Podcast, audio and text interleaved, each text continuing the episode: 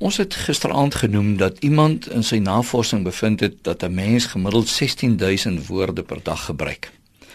Ons het gesê die hoeveelheid woorde maak nie regtig saak nie, want ek weet nie hoe goed hierdie navorsing was nie. Wat wel saak maak is die manier hoe ons hierdie woorde inspann en of ons die Heilige Gees daarmee gehoorsaam of bedroef. In Efesiërs 4 word konkreet praktiese voorbeelde gegee van hoe ons in ons praat met mense die gees kan gehoorsaam of die gees kan bedroef. Ons beplan om in die volgende paar aande aandag te gee aan die voorbeelde wat hier vir ons opgeteken is. Eerste voorbeeld vind ons in vers 25. Daarom moet julle leuns vermy en elkeen moet die waarheid praat met sy naaste, want ons is lede van een liggaam. Ons leef natuurlik in 'n wêreld waar die leuen uiters effektief gebruik word. Ons sien dit elke dag nie waar nie. Maar gelukkig is mense nie dom nie.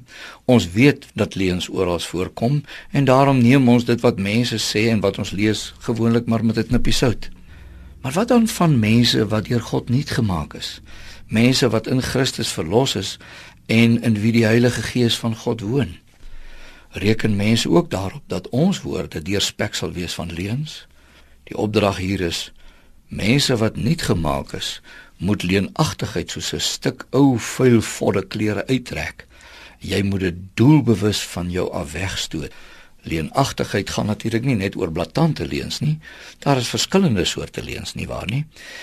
Wie byvoorbeeld seker net sekere feite gee en die res doelbewus verswyg of dinge buite konteks vertel, is natuurlik ook skuldig aan leenagtigheid saam met die uittrek van ou volle klere van leuns moet terselfdertyd ook die aantrek van nuwe klere gaan.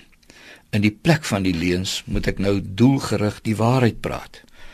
Hierdie vers laat geen onduidelikheid met wie die waarheid gepraat moet word nie. Vers 25 en elkeen moet die waarheid met sy naaste praat.